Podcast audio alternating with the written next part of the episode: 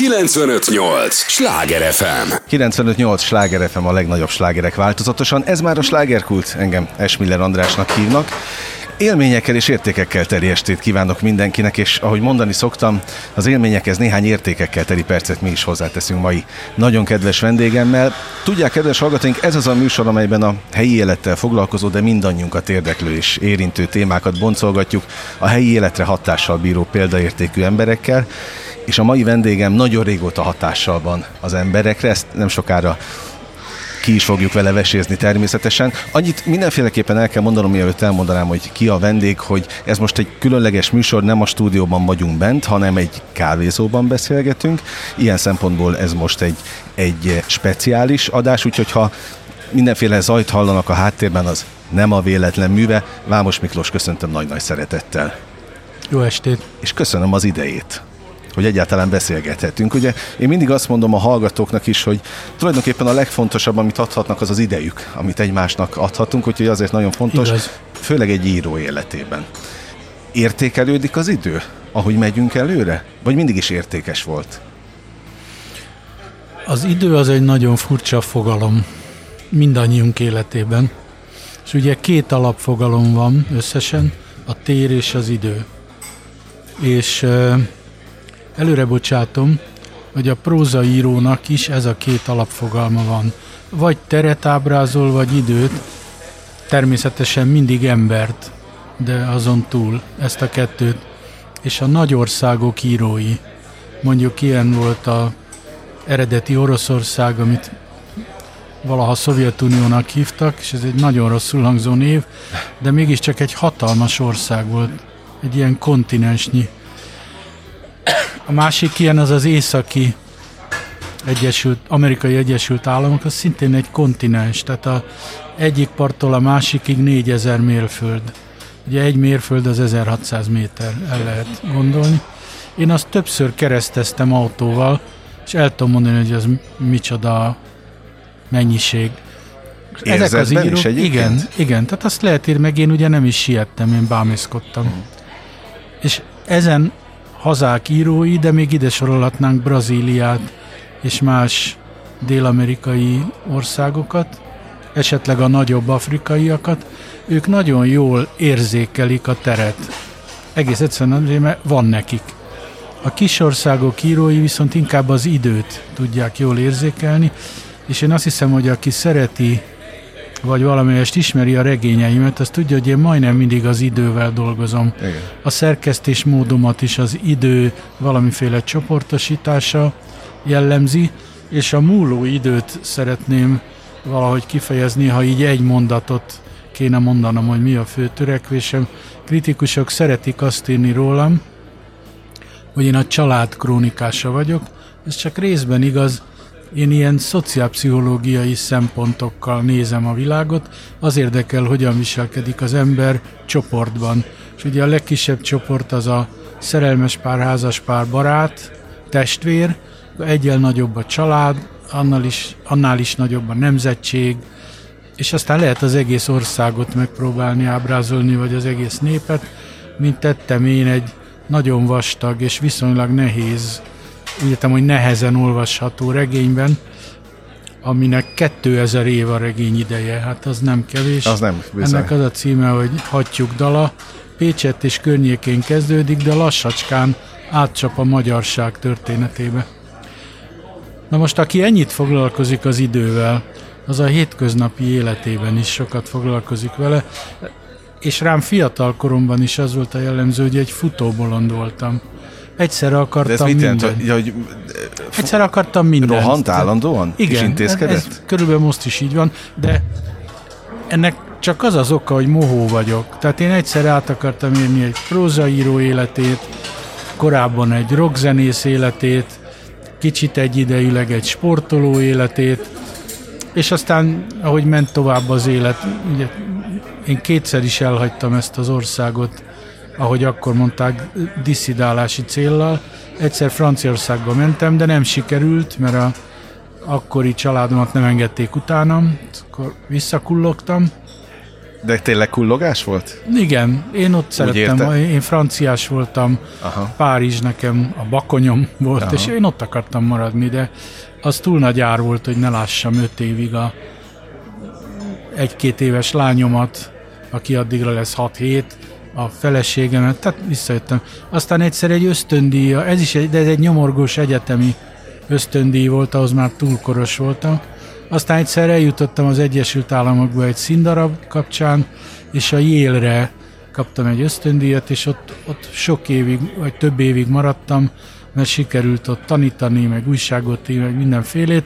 Soha vissza nem jöttem volna, ha nem omlik össze a szocializmusnak nevezett rezsim. Akkor visszajöttem, és barátaim mondták, hogy én hülye vagyok.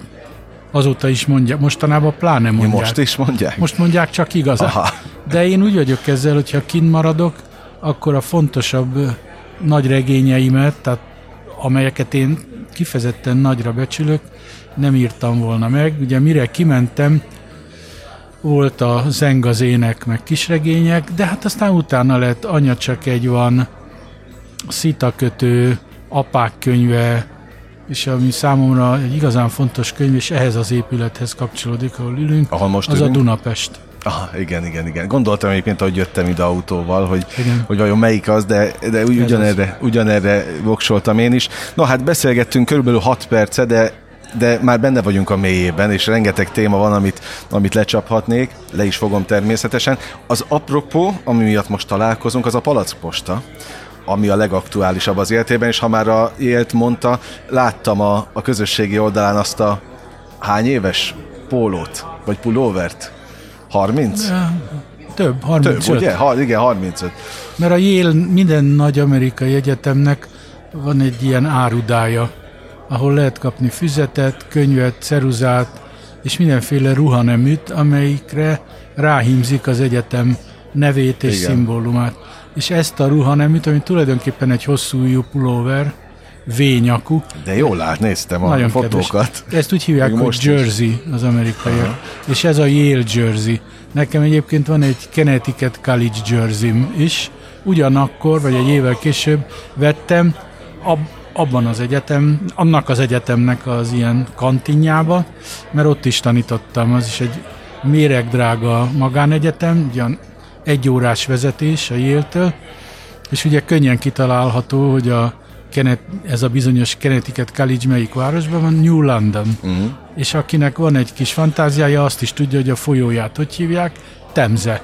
Na, igen. Na, és azt tudja, hogy ezt a részt hogy hívják? Fenyő Miki, hogy hívja ezt a részt, ahol, hát, ahol ő most hogy hívja, azt nem tudom. Angyalföldi pálmafák, ugye írt is erről egy dal, de hát neki ez a, ez a tulajdonképpen a, a minden, amit látott annak idején odakint. Minden tiszteletem a rockzenészeké, bár ő nem egészen rock, de most ebben nem ennyi. De valami Jampi marad de, belőle. Egyébként ezt, igen. ha már mondta az elején, esküszöm nem ezzel akartam kezdeni a beszélgetést, de mi maradt a, a beat zenészből? Hát nagyon sokáig semmi, mert én protest... De lélekben sem? Én protest song zenész voltam, tehát játszottam rockzenekarban, de ez egy nagyon gyönge rockzenekar volt, és aztán egy protest song csoportban, így mondom ezt, mert nem igazán zenekar az, játszottam, aminek az volt a felállása, mint a Peter Paul and Mary. Tehát két férfi akusztikus gitáron játszik, és középen egy nő, és hárman énekelnek három szólamba. Lásd Peter Paul and Mary, a uh-huh. Blowing in the Wind-et ők tették népszerűvé, noha ez egy Bob Dylan szerz, egy Nobel-díjas szerzemény, és uh, annyi zaklatásért emiatt, tehát a, az akkori hatóságok minket felforgató elemnek tekintettek, pedig mi nem megdönteni akartuk a rendszert, csak megjavítani, uh-huh. és az egy nagy különbség. Aztán emiatt még rengeteg hányattatás ért, nem vettek fel az egyetemre, mindegy, hagyjuk. De a lényeg az, hogy nagyon sokáig haragudtam a gitárra is, meg erre az egészre. Ha, nem is, hát egy ócska keletnémet hangszerem volt otthon, meg egy 12 húros, még ócskább, de soha elő se vettem. És már jócskán elmúltam 60, mikor itt a közelben nyílt egy hangszerbolt, és a kirakatba kitettek egy fekete elektroakusztikus Fender gitárt. Na most az olyan gyönyörű, hát eleve a minden gitár alakja nők, nők alakjára hasonlít, ez meg aztán pláne, és egy fekete nő, hát azért tudjuk ezt. Rögtön megvettem, de gondoltam, hogy csak otthon tartogatom. Aztán elkezdtem rajta játszani, zenésztársak csatlakoztak, elsősorban Bornai Tibor a Kft-ből, aki pedig billentyűs. Igen. De mondta, hogy ő is szeretne gitározni, és akkor egy ilyen két gitár és két énekhang jellegű kis együttest alapítottunk, mert zenélni nagyon jó, de együtt zenélni az az igazi. Még Tehát jobb? Egyedül nem. Aha. És akkor egy olyan 5-6 évig még fel is lépegettünk itt ott, ott. Aztán ez, ez, ezt ugye eluntam, nem lehet ezt másképp mondani, de egyszer egy Beatles repertoárt magyarul, mert na, én tulajdonképpen az összes fontos Beatles számot lefordítottam magyarra, méghozzá énekelhetőre, és az kevésbé érdekelt, hogy az eredeti mondatok mit jelentenek, vagy a szellemét próbáltam kifejezni, vagy teljesen elrugaszkodtam. Én így fordítok dalt. És ezt előadtuk Karácsony Jánossal olyan másfél tucatnyiszor, aztán ugye abból is úgy kiment a széngáz, és gondoltam, nem baj, én majd otthon zenélgetek. De egyedül nem olyan jó. Tehát újabban ez egy kicsit ugye ellanyhult, uh-huh. de még majd felfejlődöm. Mit ad a zene, vagy mi olyat ad a zene, amit mondjuk az írás nem ad meg? Nagyon sok minden. Tehát sok plusz van Mert benne? ugye beszéltünk az időről. Most a zene az nem más, mint a megszólaltatott idő. Gondoljon De arra, fogal, ezt még nem is hát jó, gondoljon így. arra, hogy minden hangjegy az egy időintervallum, tehát az vagy egy nyolcad, vagy egy jogos, negyed. jogos, jogos. És akkor gyorsítunk, lassítunk, és az, hogy emelkedünk, vagy süllyedünk egy hanggal, az is tulajdonképpen ilyen hercegbe kifejezhetően valahogy az időre hasonlít. És azt átélni, hogy az ember belesimul egy dallamba, és az tisztán szól. Az egy olyan különleges dolog, amit az is átélhet, ki egyáltalán nem játszik semmi uh-huh. hangszeren, csak a rádióban hallgat egy Beatles számot, és ráénekel egy nem létező szólamot. És ez, ez, ez nagyon jó érzés, én az autóban mindig szoktam így magamban énekelni, hát ha nincs ott senki. Csak akkor? De én, na igen, de én tanultam énekelni egyébként. A Gerilla együttesben Berki Tamás volt a másik férfi muzsikus, sajnos a lányok csereszabatosan nagyon sokat váltogatták egymást, de mi ketten voltunk a, A zenekar igen. pillérei, és a számok zömét én írtam, szöveget is, zenét is, de mindegy, a Berki Tamás egy nagyon híres jazz énekes lett Há, ezután, és ha nem szocializmus van, akkor világhírű lett volna. De amint megnyerte a Newporti Jazz Fesztivált, soha többé nem engedték ki, mm. és így ő egy ilyen magyar karriert futott be, ezzel együtt az ország legjobb könnyűzenei énektanára. És amikor kezdődött ez a rögeszmém, akkor elmentem hozzá, és kicsit tanultam énekelni. Megtanította a támaszt, ami nagyon hasznos mindenkinek, például annak is, aki beszél. Mert aki tudja a támaszt, az lélegzetvétel nélkül igazán hosszan tud beszélni, és nem így beszél. Szóval én ezt komolyan vettem, de sajnos nekem ez a betegségem, én mindent komolyan veszek. És ami az írást és a... Betegség? Hát, kis ironikus idézőjelekkel. Okay. És ami az írást és a zenét illeti, én még azt a pimasságot is elkövettem, hogy írtam egy regényt, aminek az volt a címe, hogy legközelebb majd sikerül. Beethoven 9 szimfóniáját vettem alapul, minden fejezet egy-egy szimfónia, és annyi kis részből áll, ahány tétel van, ami nagyon egyszerű, majdnem mindnek négy van, kivéve a hatodikat, amelyeknek öt. És ahol a zene gyors, ott az én szövegem is próbál gyors lenni. Ahol a zene szomorú, a szövegem is. Ahol van helyszín, például a hatodik az egy rustikus szimfónia, tehát falusi helyszín, és a tételek fölé írt Beethoven ilyen két mondatokat, hogy mulatnak a legények a kocsmába, vagy valami. És akkor az én regényemben is mulattak a regények a kocsmába, ugyanakkor a regény nem a Beethovenről szól, ez csak egy ilyen formai támasz. Nagyon jó volt írni így, hogy közben mindig azt a tételt hallgattam, amit éppen írtam. A regény egy barátság története.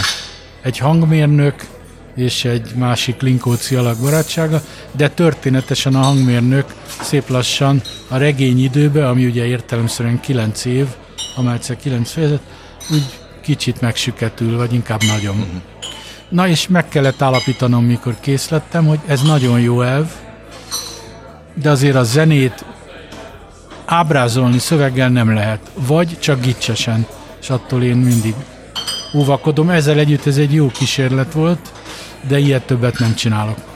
95-8 sláger FM a legnagyobb slágerek változatosan, ez továbbra is a slágerkult, a természetes emberi hangok műsora. Kedves hallgatók, nem véletlenül beszélünk zenéről, hát egy rádióban miért ne beszélhetnénk zenéről, még akkor is, hogyha egy író emberrel ültem most le beszélgetni, akinek persze, mint megtudtuk, a, a zene is olyan fontos része az életének, még akkor is, hogyha szemérmesen csak egyedül énekel a, az autóban, ez szemérmesség? Vagy csak megszokás? Én, én bennem exhibicionizmus a látszat ellenére nincs. nincs. Tehát, ezt, ezt már sokszor elmondtam. Na de tévéműsor készítőkről azt hiszik, hogy azok mind. A színészekről is azt hiszik, pedig szerintem a színészeknél gátlásosabb emberek. Ezt én is tapasztaltam nincsenek. egyébként. Most, hogy minden este művész emberekkel beszélgetek, ezt én is tapasztalom. Ők az éppen azért mennek a színpadra, vagy a képernyőre, mozivászonra, hogy túltegyék magukat a saját gátlásaikon. Ez a legfőbb motivum. Igen.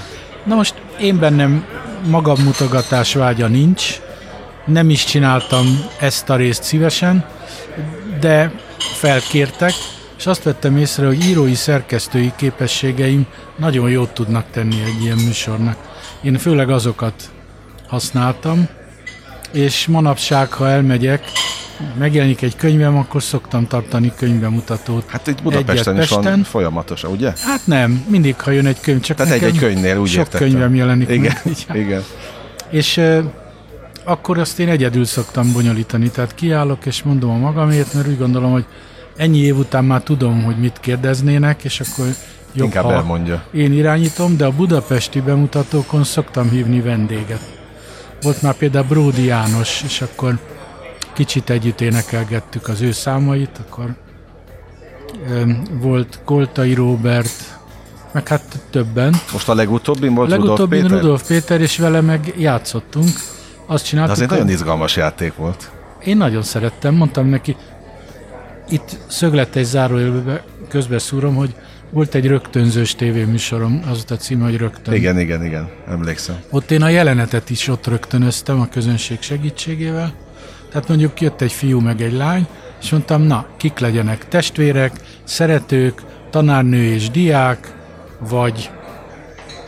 És akkor mondtam négy ilyen variáció, közönség így szavazott készfeltartással, és akkor ez nagyon érdekes volt, mert tényleg ott, ott jött ez a dolog össze, és láttam, hogy a színészek jelentős része nagyon félénken improvizál. Nem tudom miért, még az olyanok is, akikről azt hinném, hogy ők úgy jól hogy profik, igen. Attól még ők profik, oh, okay, a okay. színészet az más. Viszont én meg így gátlástalan vagyok. Tehát amikor elkezdek egy mondatot, nem mindig tudom, hogy mi lesz a vége. De aztán valahogy befejezem. Mindig befejezem. És mondtam a Rudolf Petinek, őt ugye Rude, Rudi Petinek hívjuk mi a barátai. Igen, igen mert őt főiskolás kora óta ismerem, egyszer játszott engem egy tévéfilmben. Ez kis túlzás, hogy engem, tehát a tévéfilmben szereplő ifjú írót játszotta, meg a szüleit, akik hát történetesen az én szüleim voltak. Szülők voltak Gábor Miklós és Vaséva. Na mindegy. És mondtam neki, hogy van kedved improvizálni? Mondta, van. Jó. Akkor legyél te Vámos Miklós becsületben megőszült író, én meg leszek Rudolf Péter színész, színigazgató. Most kimegyek, de itt hagyom a táskám neked, szevasz. És attól kezdve volt egy ilyen 30 perc, ahol én óriási nagyokat röhögtem, jól szórakoztam, de láttam, hogy a közönség nem különben, és hát a Peti meg kitűnően improvizál, ezt tudtam a rögtönzős műsor folyamból, mert ő volt a legjobb. Uh-huh. No, a palackposta, amivel kapcsolatban itt Igen. ülünk, és tulajdonképpen ez is már a palackpostához kapcsolódott a, a Rudolf Péteres bemutató picit tulajdonképpen meg is idézi, a, vagy lemodellezi ezt a palackpostát, mert amit mostanában az utóbbi időben kitalált, zseniális ötlet egyébként, hogy el, elhagy egy könyvet, jól mondom? Azt már régebben találtunk, amikor megjelenik egy könyvem. Ugye adnak tisztelet példányt. Nekem az átlagosnál többet adnak, mert... Ezt ki lehet mondani, hogy mennyi egyébként, vagy nem publikus? Hát ki, most Mert én zenészektől tudom, hogy ilyen 5-10 darabot szoktak, vagy régen, ami volt van. a kiadó. Kb. ennyi a tisztelet példány. A szocializmusban az volt a szokás, hogy minden szerző kapott 30 tisztelet példányt. És én emlékszem, hogy sose volt elég. Mert de utána meg kellett venni a szerzőnek? Hát Nyilván igen, de akkor azt áron. lehetett csinálni, hogy az írók boltja már akkor is üzemelt, és egy kicsit csökkentett áron ott lehetett venni, és még egy előny volt, az ember lediktált egy listát, és oda ment dedikálta, akkor ők kipostázták. Aha. És akkor én megfigyeltem, hogy olyan kétszer 30 kell nekem, mert azért egy olyan tizet eltesz az ember, mert hát ha később megismerkedik valakivel, vagy valaki kér, vagy kell egy után nyomáshoz egy példány, szóval mindig a 8 10 bedobtam egy szekrénybe. És amikor jött a kapitalizmus, és szerződni lehetett, szerencsésen sikeres író voltam, és az diktálhat valamennyire. És ezért a szerződésbe belevettem, hogy én 50-et kérek. Meggondoltam, 60 azért az pofátlanság, de 50-et. Csak azt felejtettem el, hogy azok, akiknek én adtam, ezek mondjuk a többségük idősebb író, atyai barát volt, és azok meghaltak. Tehát most már ez az 50 mondanám, hogy ez úgy sok, de nem baj, mert elteszem, elajándékozom, és amióta ez van, azóta azt szoktam csinálni, amikor megjelenik egy könyv, akkor fogok egyet, és valahol egyszerűen csak elhagyom. És beleírom, hogy ez egy ajándék, aki megtalálja, fogadja olyan szeretettel, mint ahogy én adom. De elhiszi nekem, hogy én már kerestem könyvet? Tehát tudtam, hogy ez a korábbi Meglep. könyveknél is így volt. Jó, természetesen be, az összesetben szereztem, de úgy voltam vele, hogy azért ez kuriózum megtalálni. Igen. Tehát az teljesen más érzés. Hát újabban már úgy szoktam csinálni, hogy a Facebook nevű nagyon furcsa dolgon beírom, hogy na, ma fogom elveszteni igen, körülbelül igen, igen. itt. És a Dunapestet értelemszerűen itt a Dunaparkban veszítettem el. Le is fényképezem, ott van, és akkor valaki megtalálja. Szoktak jelentkezni. Tehát most mi a Szent István Park környékén vagyunk, ezt, ezt mondhatjuk benne. most a, benne a hallgatóknak természetesen, de hogy a, a palackposta ilyen szempontból, ami ugye üzenetek a, a múltból, 80-as évek a 80-as évekből, eddig is üzeneteket juttatott el természetesen a, a, az olvasókhoz, de őszintén érdekel, hogy egy íróember most éppen milyen világban van benne, mert minden egyes könyv egy-egy világ. Most éppen melyik világban van? De ugye ez úgy van, hogy amikor egy megjelenik, akkor már én rég a következőben azt, azt, vagyok. Oké, okay. éppen ezért kérdeztem, hogy most mennyivel tartunk előrébb, vagy hát egy más. Most ugye az van, hogy kitaláltam ezt a karcsú könyvet. Igen, igen, igen. Ötletet, mert sok olvasó macerált, hogy túl vastagok, nem fér be a zsebbe, retikülve, vagy miért kell nekem megvenni egy kötetet négy kisregénnyel, miközben egyet már olvastam. És akkor én azt feleltem neki, hogy azt az egyet tépje ki és adja vissza, de nem, ezzel a viccel nem sikerült meggyőznöm.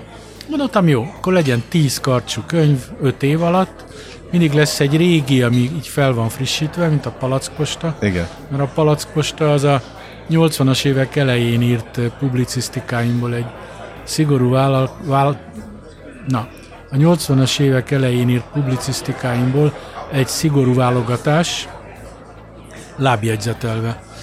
Mert elolvastam és láttam, hogy ennek egy részét... De ez ritka dolog, hogy lábjegyzetel. Én soha nem De azért mondom, hogy De láttam, hogy ennek egy részét azok, akik mondjuk 40 év alattiak talán nem is értik, hogy itt miről van szó.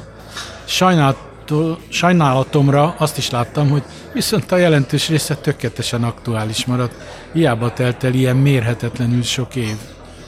És akkor így állt össze ez a palackosta. Egyébként annak idején a cikksorozatomnak az volt az összefoglaló címe, hogy ki nem küldött tudósítónk jelenti, mivel engem nem, hogy nem küldtek ki sehova, hanem nem is nagyon engedtek eleinte, és gondoltam, hát akkor neztek. És ez egy ilyen cenzúra ellenes fellobbanás volt. Számítottam rá, hogy nem is közlik. Egy, egyet írtam csak. Tudósítottam a magyar olvasókat a francia elnök választásról innen. Uh-huh.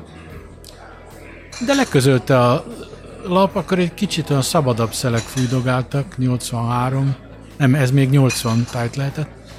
Mondták még, jó, és akkor így írtam három évig, aztán abba hagytam. Ez a története ennek. Az ö, jutott most eszembe, amikor kerestem ön telefonon egy régi számon, a fia vette föl a telefont, és ő adta meg az új számát. A fia például érti azt az időszakot, hogy neki is ugyanígy el kell magyarázni, mint ahogy a lábjegyzetben el van magyarázva?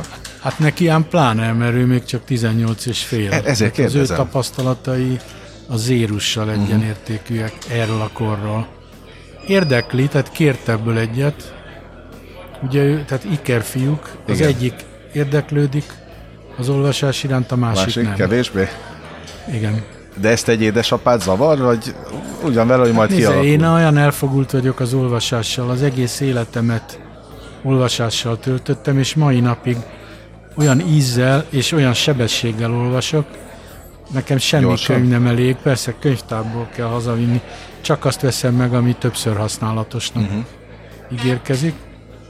És uh, nem nagyon értem ezt a világot, ahol az emberek nem olvasnak, és főleg a könyvolvasás azért nem hasonlítható még az e-bookhoz sem. Hogy, de, hogy. Van neki szaga, térfogata, én, én imádom Egy másik dimenzió. Igen, na, és ha erről a dimenzióról most már a második nemzedék próbál lemaradni, akkor én azt nem nagyon értem, és az egyetlen vigaszom, hogy a dedikáláson látom, hogy nekem nagyon sok fiatal olvasóm van, méghozzá dinasztikus olvasó. Uh-huh. Tehát jött valaha az anyja vagy az apja, Hát örökölte. Főleg az anyja egyébként, tehát az olvasóimnak mintegy 70%-a nő, a többi férfi. Na, ez rendkívül érdekes téma, innen folytassuk, hogy nehezebb a hölgyeknek írni.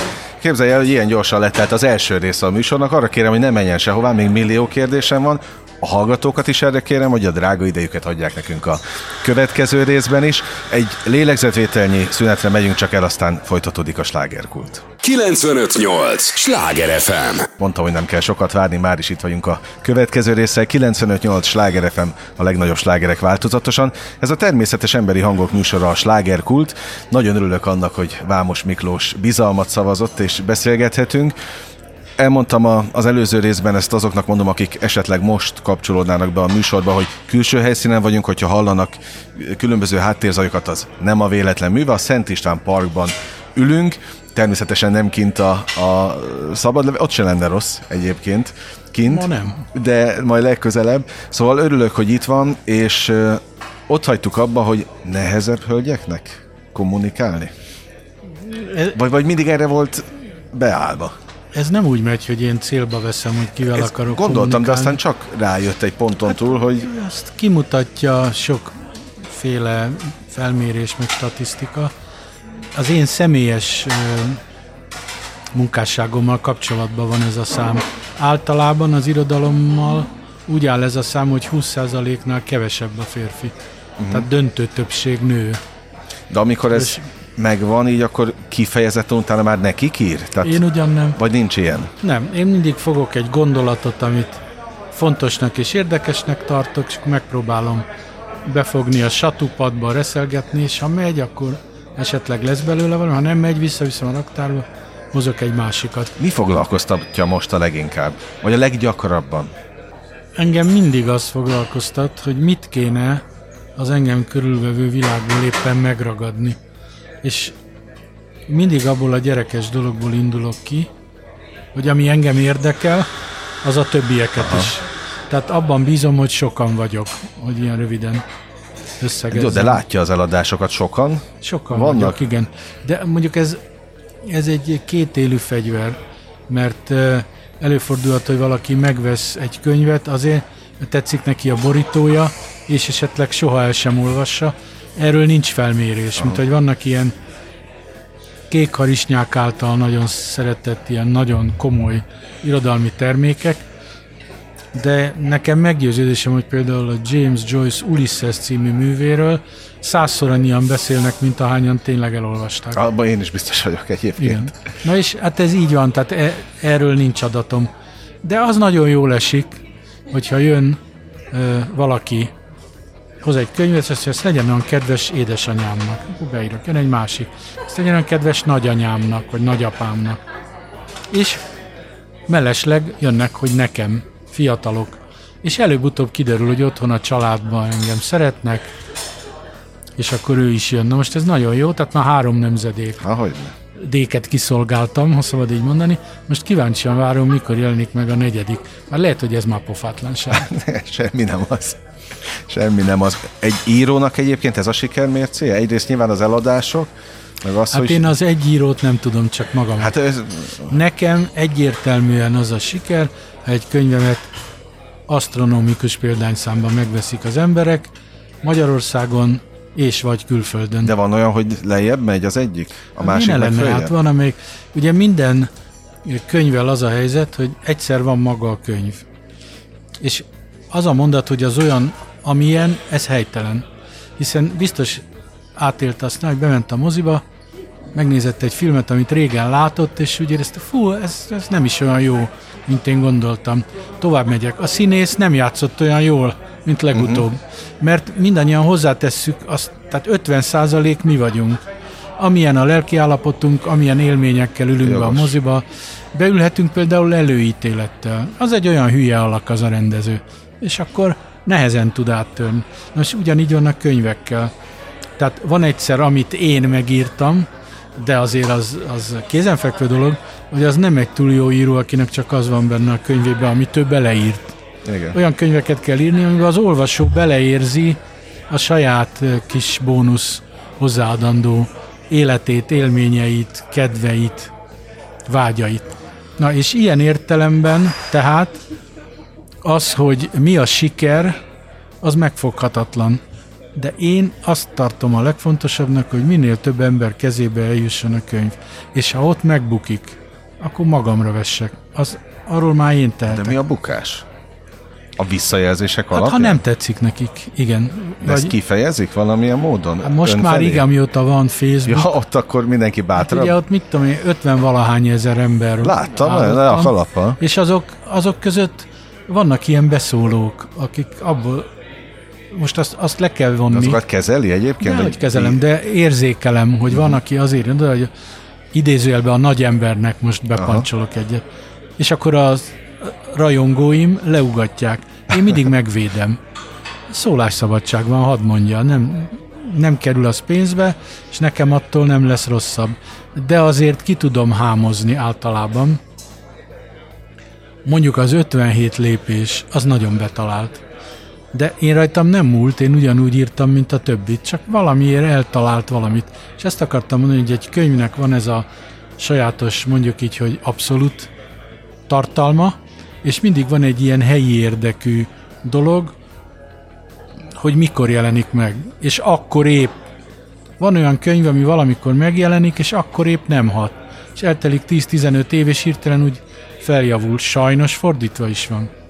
Tehát vannak könyvek, hogy olyan nagyon-nagyon jónak éreztük, Igen. éreztem, és egyszer csak úgy, nem olyan úgy, lett úgy a... kimegy belőle a széngáz. Ez, uh-huh. ez a legrejtélyesebb dolog. Tehát De az elveszi a kedvét, erre lettem volna kíváncsi. Nekem nem, hát ne, nem, nem én miattam van ez. Nekem az veszi el a kedvem, ha egy kéziratot nem tudok annyira megírni, amennyire az adott pillanatban, az adott képességeimmel tudnám. Nekem az mindegy, hogy mennyivel jobb könyvet ír, vagy néha rosszabbat Garcia Márquez, aki ugye uh-huh. már mhm. nem él, de van neki gyöngébb könyve, mindenkinek van. És egy írót a csúcsairól kell mérni, és a számomra egyik legfontosabb regény a száz év magány. De ezzel együtt van, hogy valami úgy... És ez olyan dolog, hogy az a boxoló, akit ha átsúcson vágnak, utána nem tud tovább küzdeni, az nem boxoló. És az Abszolút. íróra is igaz ez. Tehát ha ha most ezt még pontosabban szeretném mondani, aki még soha nem bukott meg, annak soha nem is volt sikere sem. Mert ez a kettő, ez együtt van. Abszolút. És akkor én egy dologgal talán dicsekedhetem, bár ez nem is biztos, hogy dicsek, én nem félek a bukástól, mert úgy hogy az jót tesz. És például elmondhatom, hogy én, én ilyen minden író nak készültem, mikor fiatal voltam. Ide nekem az oroszlánt is. Hát én írtam egy csomó filmet, színdarabot, hangjátékot, ami a próza területén van, azt kipróbáltam, egyébként még kis verseket is írtam, limerikeket, de az a 70. születésnapomra egy ilyen ünnepi kiadvány volt, tehát ezt nem tekintem komoly könyvnek. De ezzel együtt mindent kipróbáltam. És például az egész estés darabjaim gyöngék.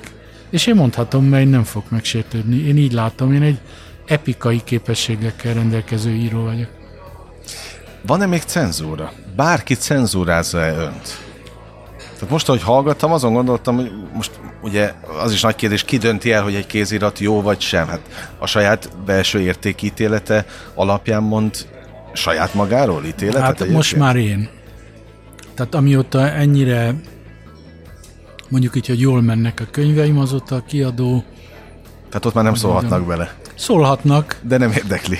érdekel, de nem nagyon szólnak. Aha, Tehát ja, érte, ja, értem, van egy értem. szerkesztő, aki ilyen apróbb dolgokban tesz javaslatokat, de általános mértékben elhatalmasodott az én kiadóimon, mert ugye ha összeszámolom, magvető, szépirodalmi, abóvó, Európa, Ateneum, ez az ötödik kiadóm Magyarországon. És már az Európa kezdetétől úgy elhatalmasodott rajtuk, hogy én egy hatalmas nagy író vagyok, és fejet kell hajtani, akármit írok. Nem baj, ha nem olyan jó, mert akkor is eladjuk. De én nem ilyen vagyok, tehát én, ha valamiről úgy érzem, hogy nem olyan jó, azt nem adom ki. Ilyen szempontból sok kézirat van a fiókban? Hát van ké- hosszú kézirat kettő, rövid van sok. Van, ezek ilyen félbehagyottak főleg. De a lényeg mégiscsak az, hogy én döntöm el, hogy mi jó, mi nem jó. És ezt úgy teszem, hogy ha megírtam, félreteszem hónapokra, és akkor utána úgy olvasom el, mintha egy idegen írta volna, és néha úgy hogy mit ír ez a barom? Hát elment az esze, és akkor azt ki lehet javítani, ha lehet. Minden nap ír? Hát az írás egy nagyon sok rétegű tevékenység. Ezt, ennek nem fog örülni, de most, amikor itt ülök, most is egy második sávon jár valami a fejemben, ami Ja, hát én ezt írással gondoltam, hogy kapcsolatos, egy- és egy harmadikon mindig szól valami zene. Esetünkben most Mozart, de ez Aha. teljesen mindegy, egy zongora verseny. Tehát én ilyen többsávos vagyok. És ez az írás legfontosabb fázisa, mikor az ember csak úgy a fejében úgy formázgat. És akkor a következő fázis, mikor egy témánál lehorgonyoz, elkezd anyagot gyűjteni. Sokkal több anyag kell egy regényhez, mint amennyit beleír az ember. Tehát én az a típus vagyok, aki ha mondjuk szeretnék írni nőkről egy regényt, mint ez az 57 lépés, akkor mind a négy nőről elkezdek jegyzetelni. Mikor született, mit csinált, ki volt az apja, melyek a jellegzetes szófordulatai.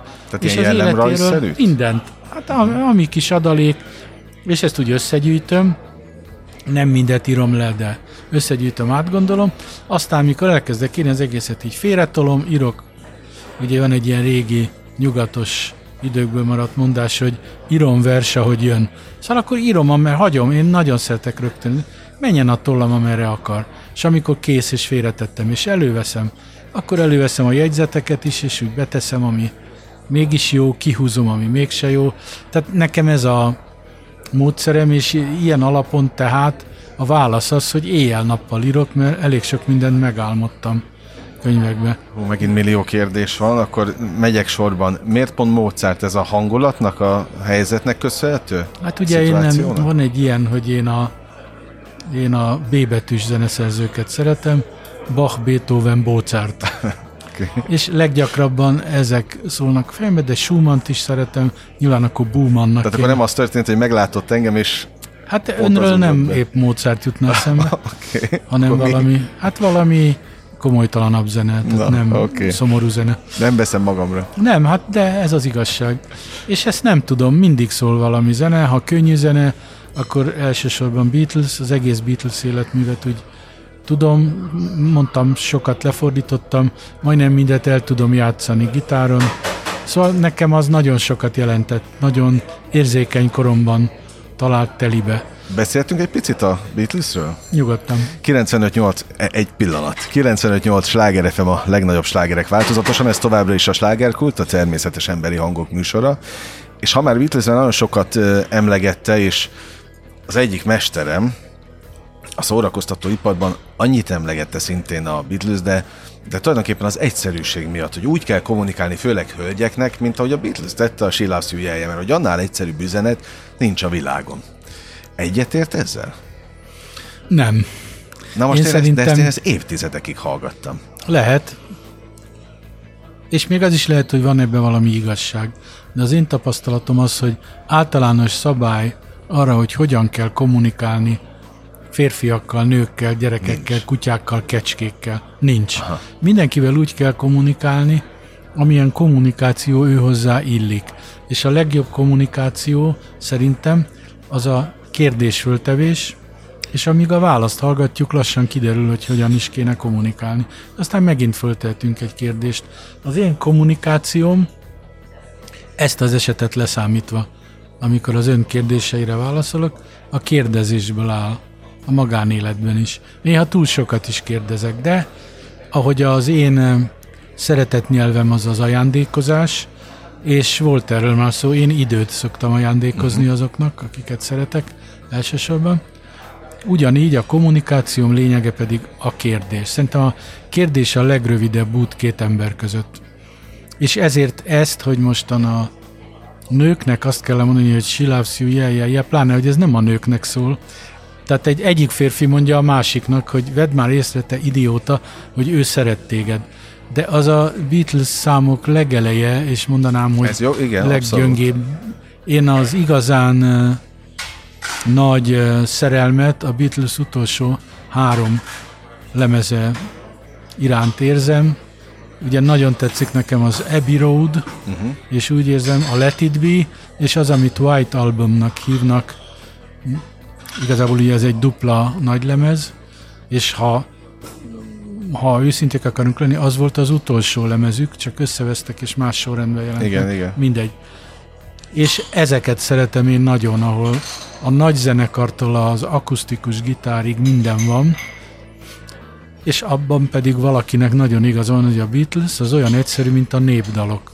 Tehát azt mondanám, hogy a Lennon McCartney nevű ember az korunk dalszerzője, tehát ugyanolyan jelentős zeneszerző, mint Schubert, mondjuk, hogy mondjak egy nem annyira jelentőset, mint Mozart.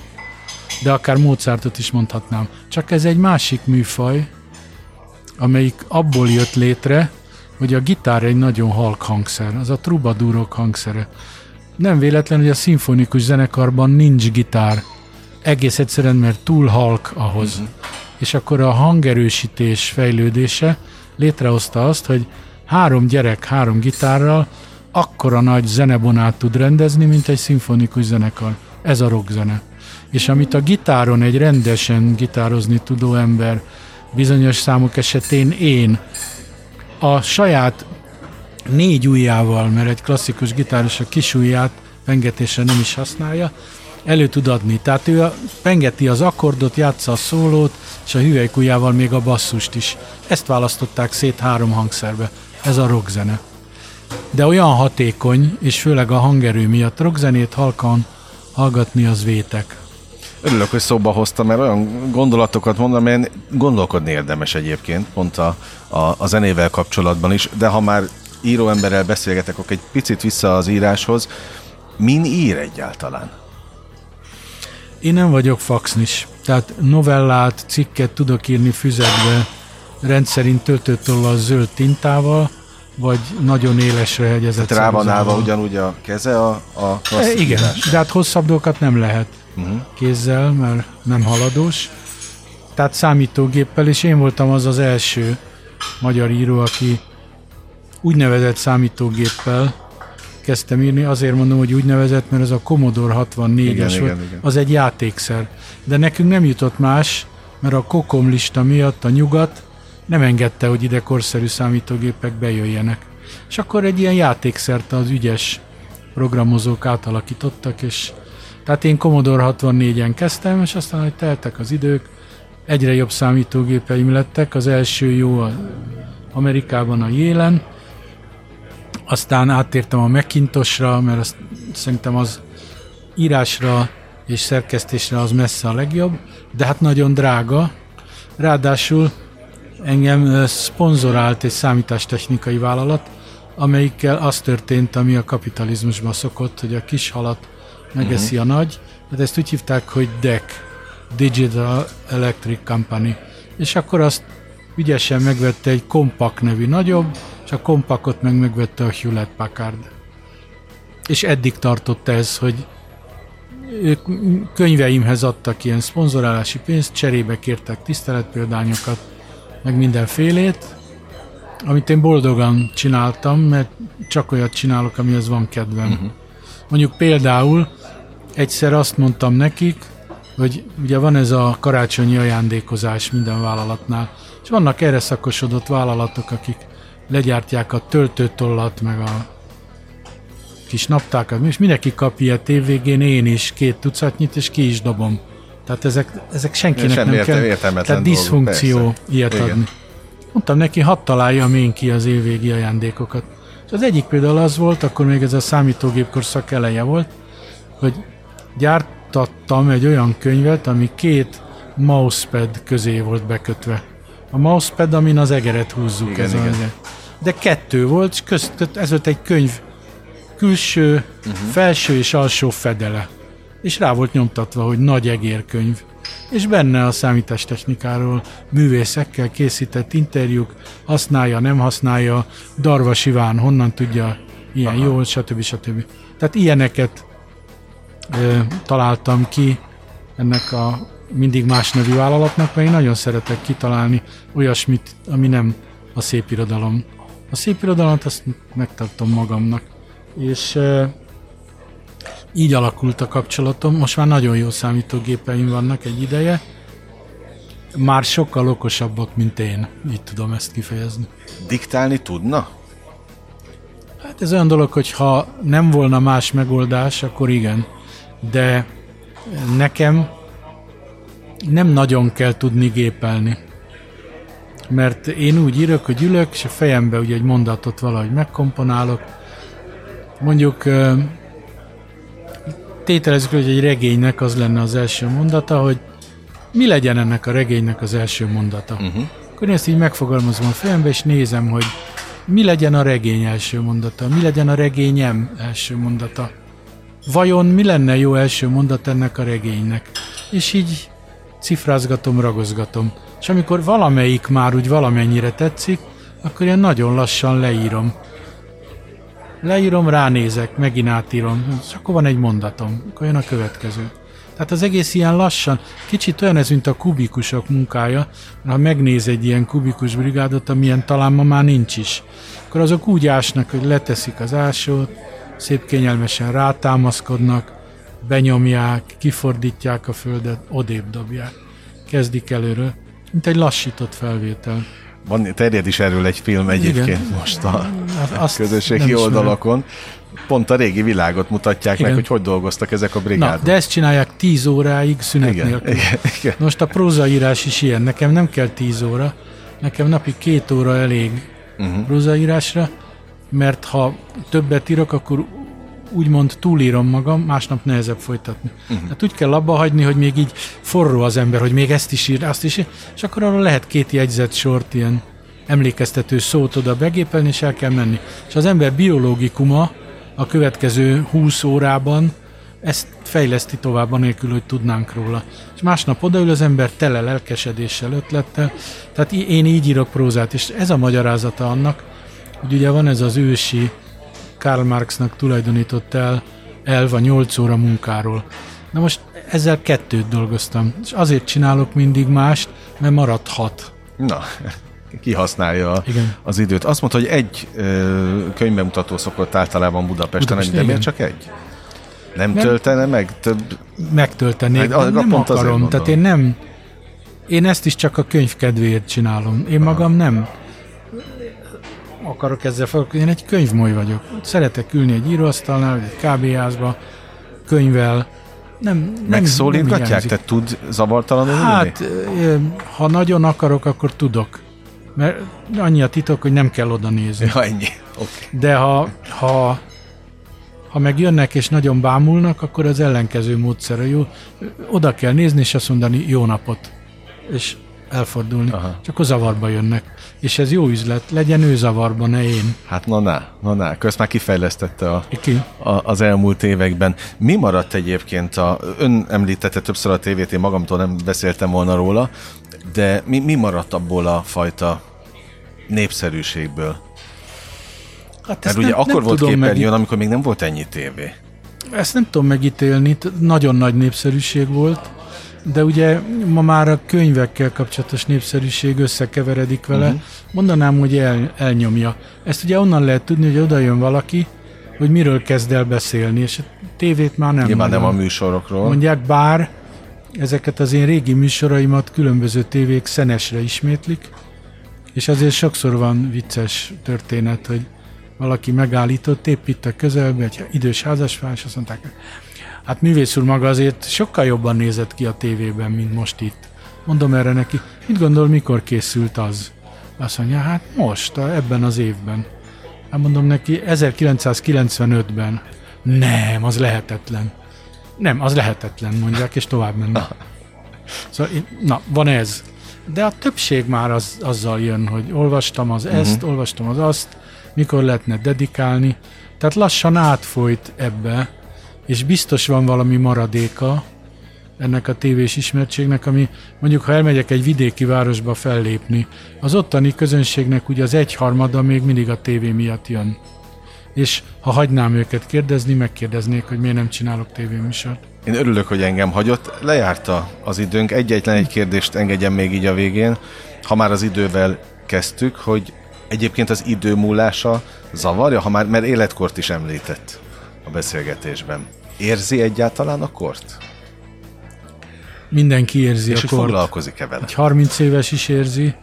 És én például, amikor 16 voltam, akkor úgy éreztem, hogy hát aki 20 évnél idősebb, az, az egyszerűen nem normális. Menjen az útból, dögöljön meg. Tehát mindenki érzi a kort.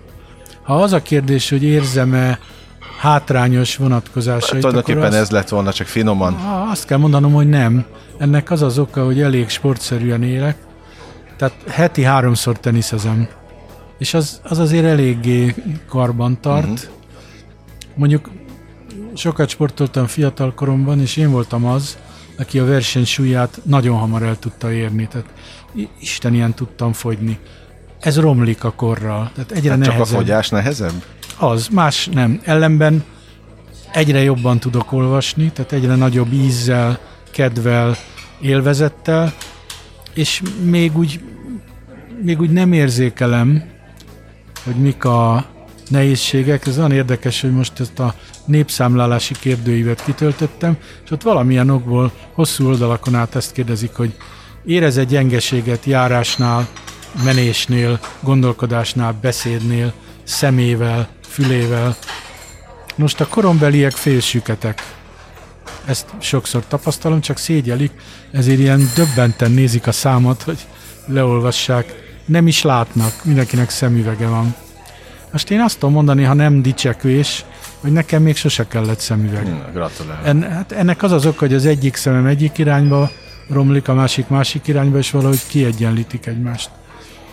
De hallani is viszonylag hallok, és el tudom látni a feladataimat úgy, mint mondjuk 20 éve.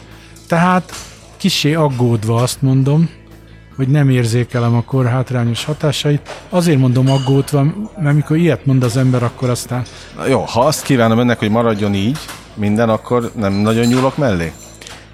de, mert azt kívánja, hogy legyen minden egyre jobb. Jaj, igaza van. Mindig magasabbra. Igaza van. Énekli az LGT. É, Jó, és igazuk volt. Úgyhogy ezt kívánom, őszintén köszönöm a, az idejét. Én is köszönöm. És sok-sok eladott példányszámot is. Az legyen, Köszönöm. maradjon meg a tendencia. Kedves hallgatóink, Vámos Miklóssal beszélgettem az elmúlt közel 60 percben. Még egyszer nagyon köszönöm az idejüket, élményekkel és értékekkel teli perceket, órákat kívánok önöknek a, az elkövetkezendő időszakra, és a slágerkult most bezárja a kapuit, de ne felejtjék, holnap este ugyanebben az időpontban ugyanitt újra kinyitjuk. Engem Esmiller Andrásnak hívnak, vigyázzanak magukra. 958! Sláger FM!